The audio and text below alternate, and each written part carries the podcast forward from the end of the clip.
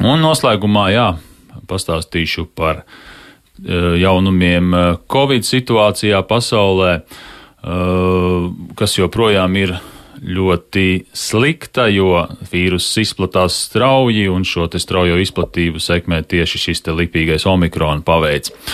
Un uh, viens no pandēmijas epicentriem ir tieši Eiropa, un ziņu aģentūra Reuters vēsta, ka no katriem simts pasaulē atklātajiem inficēšanās gadījumiem 47 ir Eiropā, un pašlaik ikdienu Eiropā reģistrē aptuveni miljonu jaunu saslimšanas gadījumu. Un vissliktākā epidemioloģiskā situācija Eiropā ir Francijā, kur piekdien atklāja vairāk nekā 300 tūkstošus jaunu inficēto, kas ir um, laikam atkārtots rekords kopš pandēmijas sākuma.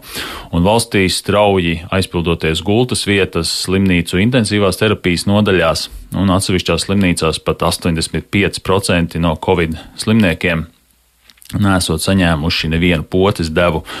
Un, uh, jā, Francijas valdība Līdz ar to plāno palielināt Covid testēšanas jaudu, jo pie testēšanas centriem visā valstī izveidojušās ļoti garas cilvēku rindas. Un uh, Francijā ik nedēļu testē aptuveni 10 miljonus cilvēku, un tāpēc, lai šos, šīs te testēšanas rindas samazinātu, pie mm, vakcinācijas centriem tiks izveidoti jauni testēšanas punkti.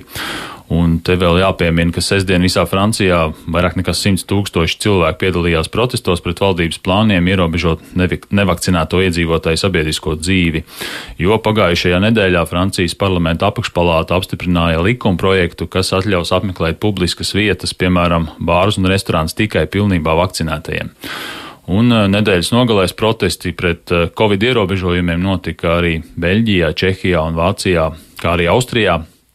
Un, kā zināms, tad Austrijā no 1. februāra būs spēkā prasība obligāti vakcinēties pret covid. Un, uh, pašā, pašā noslēgumā jāpiemina šie dati kopējie, ka kopš 19. Uh, gada decembra, kad uh, Ķīnā reģistrēja pirmos Covid-19 saslimšanas gadījumus, Visā pasaulē ir uh, reģistrēti jau gandrīz 5,5 miljonu vīrusu upuru. Tomēr Pasaules veselības organizācija uzskata, ka patiesais Covid nonāvēto skaits varētu būt pat divas, trīs reizes lielāks. Un šajā brīdī turpināsim runāt par koronavīrusa Covid-19 īpašu lipīgo omikronu paveidu un tā izplatību, un mums tiešraidē pievienojas neatliekamās medicīniskās palīdzības dienesta vadītāja Liena Cipuli. Labrīt! Labrīt! Pasaulē dažādi šobrīd reaģē uz omakrona izplatību, vietām ierobežojumi turpinās, tos pastiprina, citur atvieglo. Kā jūs vērtējat, vai pie gana plašas vakcinācijas var atteikties no ierobežojumiem un mēģināt ar vīrusu sadzīvot? Vispirms noteikti ir svarīgi raudzīties, kā situācija kopumā attīstās, lai tie pasākumi tomēr būtu pietiekami piesardzīgi un mēs nesaskartos ar tiešām nepaceļamām, nu, teiksim tā, lietām slimnīcas un, un tam līdzīgi, ņemot vērā to, ko mēs kopumā redzam. Jā, varbūt var runāt, ka omikrons atšķirās no delta paveida, tomēr vienalga valstis ziņo par piepildītām slimnīcām, un tātad mūsu galvenais uzdevums mums ir, um, jā, arī visiem ir jāizslimo šo paveidu un ir svarīgi, ka sabiedrība kopumā imunizējās, tad šis vilnis nedrīkst būt tāds, ka mēs netiekam galā ar šo pieplūdumu slimnīcās. Tāpēc es teiktu, ka ir ļoti mēreni jāraugās uz ierobežojumu kaut kādu samazināšanu. Tieši otrādi ir jābūt īpaši piesardzīgiem. Kāda mums šobrīd ir noslodze slimnīcās un cik liela slodze ir neatliekamai medicīniskai palīdzībai?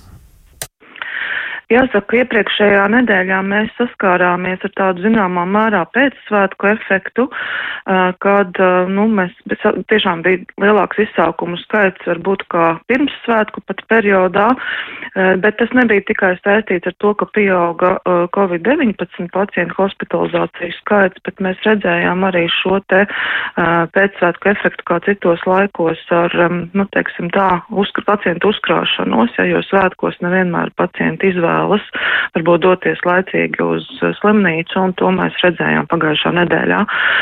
Arī ir pieaudzis traumu skaits, ir ziema, ir slidens, un, un tas tomēr viss kopā mums rada šo paaugstināto slodzi.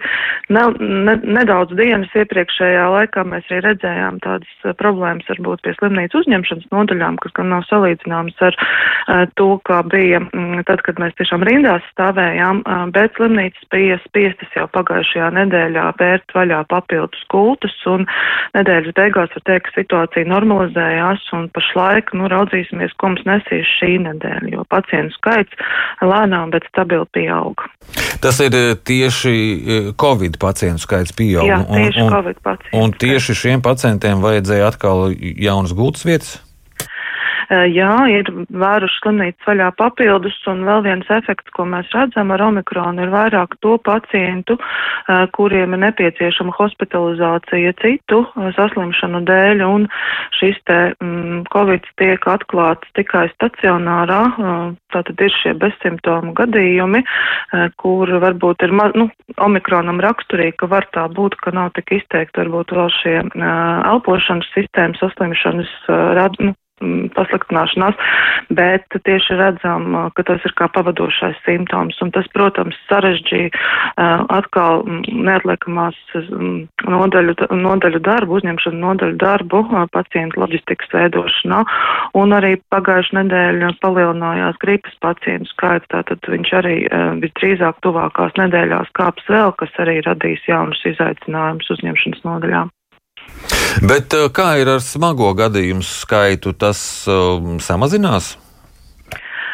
Pagaidām arī tas uh, turās pietiekami stabils, uh, jo nu, varbūt uh, omikrona gad, šis te paveids atšķirās no deltas ar to, un to jau mēs redzam arī pēc citu valstu ziņotā, nav tik daudz varbūt tieši šie plaušu bojājumi raksturīgi, tomēr pacientiem pāsinās dažādas hroniskas saslimšanas, saslimstot ar šo omikronu, un jāsaka arī, ka intensīvās terapijas nodaļās arī šie pacienti nonāk. Tā kā teikt, ka šis paveids ir tikai uh, nu, kas cita ļoti vieglāks par deltu nebūtu pareizi, un mums arī jāatzīst, ka vēl šis laiks, lai vērtētu kopējo šī paveida ietekmi, mēs vēl nezinām, tāpēc ir diezgan piesardzīgi jāraugās, un jā, arī intensīvās terapijas nodaļās pacienti ir.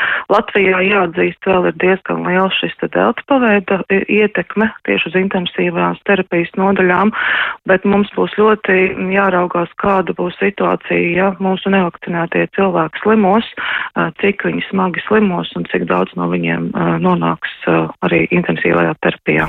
Uh, omikron, par omikronu saka, ka tas ir īpaši lipīgs. Kā ir ar pašiem dienesta darbiniekiem? Tie tagad uh, arī neslimo vairāk, līdz ar to varbūt ir kādas grūtības sniegt palīdzību un nodrošināt dienas darbu.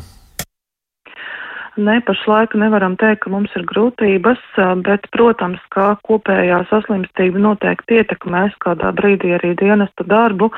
Jāsaka gan, ka es ceru, šī saslimstība būs, nu, darbinieks slimos tikai inficējoties mājās vai sadzīvē, ne darbā, jo dienestā pašlaik ir ļoti augsts drošības līmenis pacelts. Faktiski mūsu darbiniekiem nepārtraukti jālieto respirātori gan izsākumos, gan ārpus tiem notiek testēšanās pirms katras mājas, tā kā, nu, tie visi mūsu drošības pasākumi ir īpaši paaugstināti, bet mēs vienalga rēķināmies, ka darbinieki slimos inficējoties ne, ne darba apstākļos, varbūt, bet tieši sadzīvē.